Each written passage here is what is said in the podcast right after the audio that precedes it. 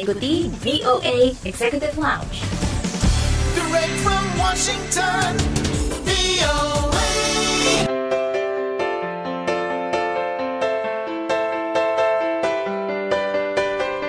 Selamat datang kembali di VOA Executive Lounge. Kali ini bersama saya Dania Iman dari VOA di Washington DC yang akan menghadirkan cerita-cerita menarik mengenai diaspora Indonesia di mancanegara, juga beragam informasi dari dunia gaya hidup dan juga hiburan. Berbisnis franchise di Amerika, kedengarannya rumit ya, apalagi jika membangun usaha di negara yang memiliki budaya dan juga peraturan yang mungkin cukup berbeda dengan di Indonesia. Inilah yang lalu dilakukan oleh Maria Trimble, pengusaha asal Indonesia yang membuka toko es krim dan juga hidangan pencuci mulut di sebuah mall di kota Richmond di negara bagian Virginia, Amerika. Nanti kita akan mendengarkan ceritanya langsung dari Maria, maka dari itu jangan ke mana-mana, tetap di VOA Executive Lounge. Ingin tahu berita menarik, terkini, dan terpercaya? Ikuti kami di Instagram at VOA Indonesia.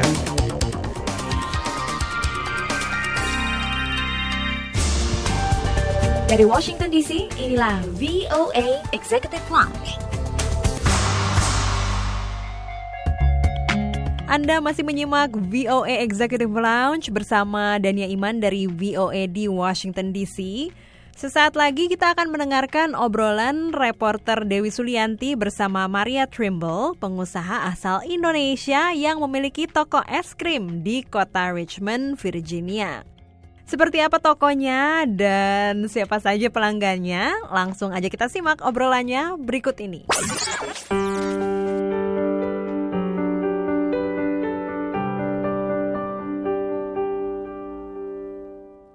Dari studio VOA di Washington DC bersama saya Dewi Sulianti dan sudah terhubung dengan Maria Trimble, diaspora Indonesia yang tinggal di kota Richmond di negara bagian Virginia, Amerika. Dan kabarnya Maria baru saja membuka usaha di salah satu mall di Richmond yaitu berupa toko kue. Langsung saja kita tanyakan kepada Maria. Halo Maria, apa kabar? Halo Dewi, kabar baik. Terima kasih sudah mau berbagi dengan VOA ya. Nah, pertama Maria boleh ceritakan tentang toko Anda yang di Amerika ini. Oh iya, oke. Toko ini uh, baru ya. Uh, kami buka awal September. Saya dan suami. Uh, namanya Dragon Street Dessert Cafe. Basically yang kita jual tuh dessert. Jadi dari uh, ice cream, tapi ice creamnya uh, kita buat uh, roll ice cream. Kalau yang kita adopt dari Thailand ya, ada beberapa yang bilang fried ice cream. But di sini kita bilangnya roll ice cream. Uh, yang kita buat langsung di pan. Jadi everything itu made to order. Jadi customer bisa lihat apa yang kita buat dari mulai ice cream, kemudian produk lain yang kita buat with rate itu juga customer bisa lihat. Crepes itu pancake yang dari Prancis, kemudian isinya macam-macam bisa ada buah atau uh, kemudian kita pakai powder sugar, kemudian produk lain lagi ada bubble tea yang kita ambil dari Taiwan. Flavornya banyak, ada macam-macam mulai dari dragon fruit, passion fruit, mango, macam-macam banyak sekali. Kemudian ada toppingnya, ada yang bursting, bursting boba itu yang pop. Jadi kalau dimakan kayak explode gitu in your mouth. Kemudian ada juga cake. Cake-nya macam-macam juga. Ada red velvet, carrot cake, mousse cake. Uh, kami jual ada macaron juga. Jadi konsepnya itu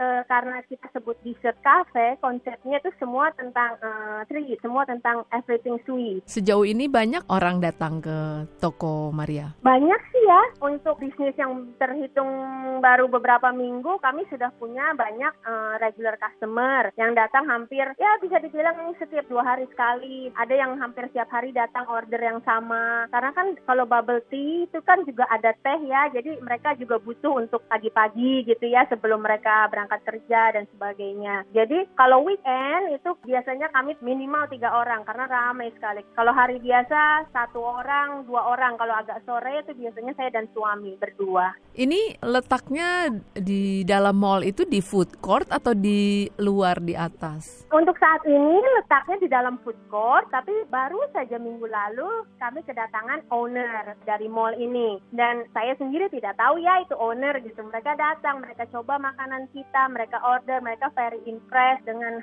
desain kita. Karena nama cafe kita kan Dragon Street. Jadi aku taruh ada dragon yang dari batik dapat dari Indonesia. Jadi di backgroundnya. Jadi dia juga very impressed. Kemudian dia juga menawarkan kita lokasi untuk tahun depan itu yang lokasi di luar mall. Jadi yang menghadap ke jalan. Jadi exposure-nya lebih bisa kelihatan ya. Tapi untuk tahun pertama ini kita lokasinya di dalam food court, di lantai dasar. Kami bersyukur sih eh, akhir kami di- memilih mall ini gitu. Saya suka sekali karena pengunjungnya juga ramah. Kemudian eh, security-nya itu 24 jam ya. Eh, jadi security-nya juga pasti datang cek apa kamu oke, everything oke seperti itu. Kemudian bersih sekali toiletnya semuanya bersih. Kemudian cleaning service-nya juga semuanya tuh everybody smile gitu kalau di sini. Jadi environment-nya happy gitu. Jadi ya eh, mallnya lokasinya di Regency Square Mall Richmond Virginia. Sebelumnya apa profesi Anda? Aku pindah ke Amerika tuh baru ya 2015. Aku menikah dengan eh, orang Amerika, kemudian aku pindah di sini. Ya selama kurang lebih empat tahun baru ya paling casual job aja bantu teman. Tapi waktu aku di Indonesia, aku bekerja di university, di education, di pendidikan. I was a director of marketing and admission Oh. untuk beberapa university besar di Indonesia. Untuk aku ketemu orang tuh aku suka gitu. Jadi aku memang pengennya tuh kerja yang aku bisa interact sama orang. Nah ini memang Maria punya bakat dessert ini atau memang eh, Maria belajar? Dari kecil sih SD ya memang suka baking gitu. Kalau hari Jumat biasanya eh, bikin kue dan sebagainya. Dan memang keluarga besar saya di Indonesia itu banyak kali yang punya restoran atau catering atau cafe seperti itu. Jadi food business sudah kayaknya mungkin mendarah daging ya di keluarga saya gitu. Nah kalau di Amerika ini saya pikir banyak sih juga orang yang bilang, wow kamu baru less than five years ya di sini udah berani buka usaha ini. Kadang saya pikir juga, aduh terlalu berani apa ya? Cuma maksudnya kalau when you get chance ya kenapa enggak gitu kan? Kesempatan tidak datang dua kali ya. Jadi saya pikir saya dapat kesempatan ini ya saya maksimalkan. Berapa kisaran harga Per dessert produk ya. Iya, yang dijual di tempat Maria ini? Terjangkau ya, sangat terjangkau. Paling murah ya sekitar 5 dolar, maksimum 10 dolar, sangat terjangkau. Makanya banyak yang datang setiap hari gitu ya, karena terutama sekali orang Amerika itu kan suka dessert ya. Mereka kalau habis makan, sepertinya harus ada dessert. Jadi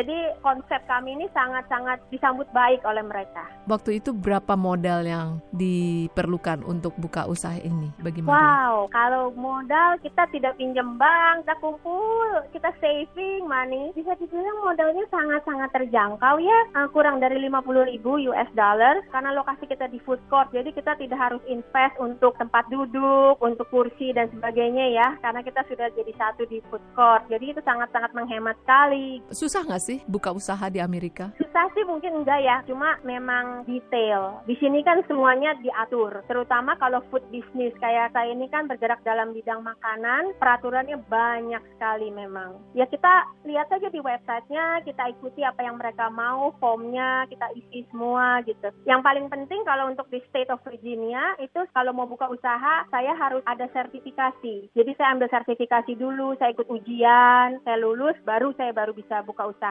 Setelah itu kan ada asuransi, inspeksi ya dari Departemen Kesehatan sebelum kita buka. Nah, kalau pre-opening namanya pre- pre-opening inspection, kalau itu semuanya memenuhi syarat, baru kita dikasih izin temporary satu bulan. Selama satu bulan, petugas Departemen Kesehatan akan datang lagi dan mereka akan cek lagi semuanya. Kalau memenuhi syarat, baru nanti akan dikasih izin yang untuk satu tahun. Nah, dalam waktu satu tahun itu, mereka bisa datang dan pergi untuk menginspek dapur saya, semua peralatan saya. Jadi kalau dibilang susah ya, eh, I would say complicated ya memang gitu, detail sih mereka. Dan kemudian kalau kayak supplier saya juga, supplier saya semuanya juga harus ada sertifikatnya. Terutama kalau di Amerika, mereka sangat concern dengan alergi ya. Jadi kita harus memastikan bahwa produk kita itu bebas misalnya ada yang nut alergi, alergi kacang atau alergi dairy. Kayak untuk yang crepe, saya punya gluten free crepe karena kan orang sini juga banyak yang alergi gluten ya. Kemudian untuk ice cream saya, saya punya lactose free. Jadi untuk orang-orang yang alergi dairy atau lactose itu saya punya lactose free. Seperti itu.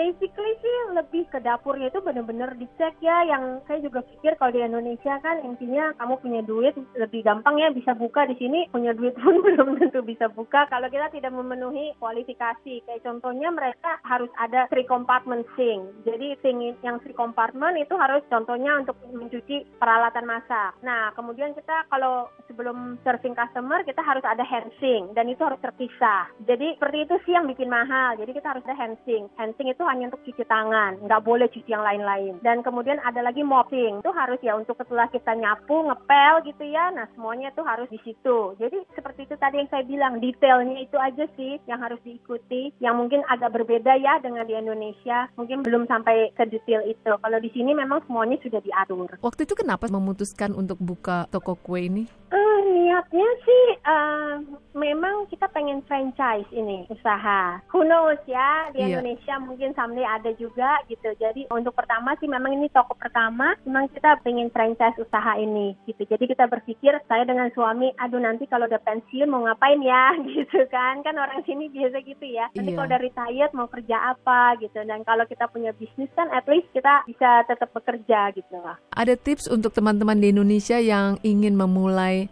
usaha di bidang makanan. Yang pertama harus ada niat yang kuat karena benar-benar kalau untuk di Amerika kan kita semua kerja sendiri. Jadi benar-benar harus kerja keras. Saya itu setiap hari kerja, toko saya buka jam 10 pagi, tapi saya jam 9 sudah siap-siap, itu sampai jam 9 malam. Jadi saya tuh setiap hari kerja tuh 12-13 jam non-stop. Jadi untuk teman-teman ya harus ada niat yang kuat dan harus mau kerja keras, harus berani ambil resiko. Kalau misalnya untuk di bidang makanan, yang penting produk kita bagus, produk kita enak, orang pasti datang. Baiklah, Maria Trimble, terima kasih atas bagi-bagi ceritanya dan sukses selalu untuk Anda. Thank you, Dewi.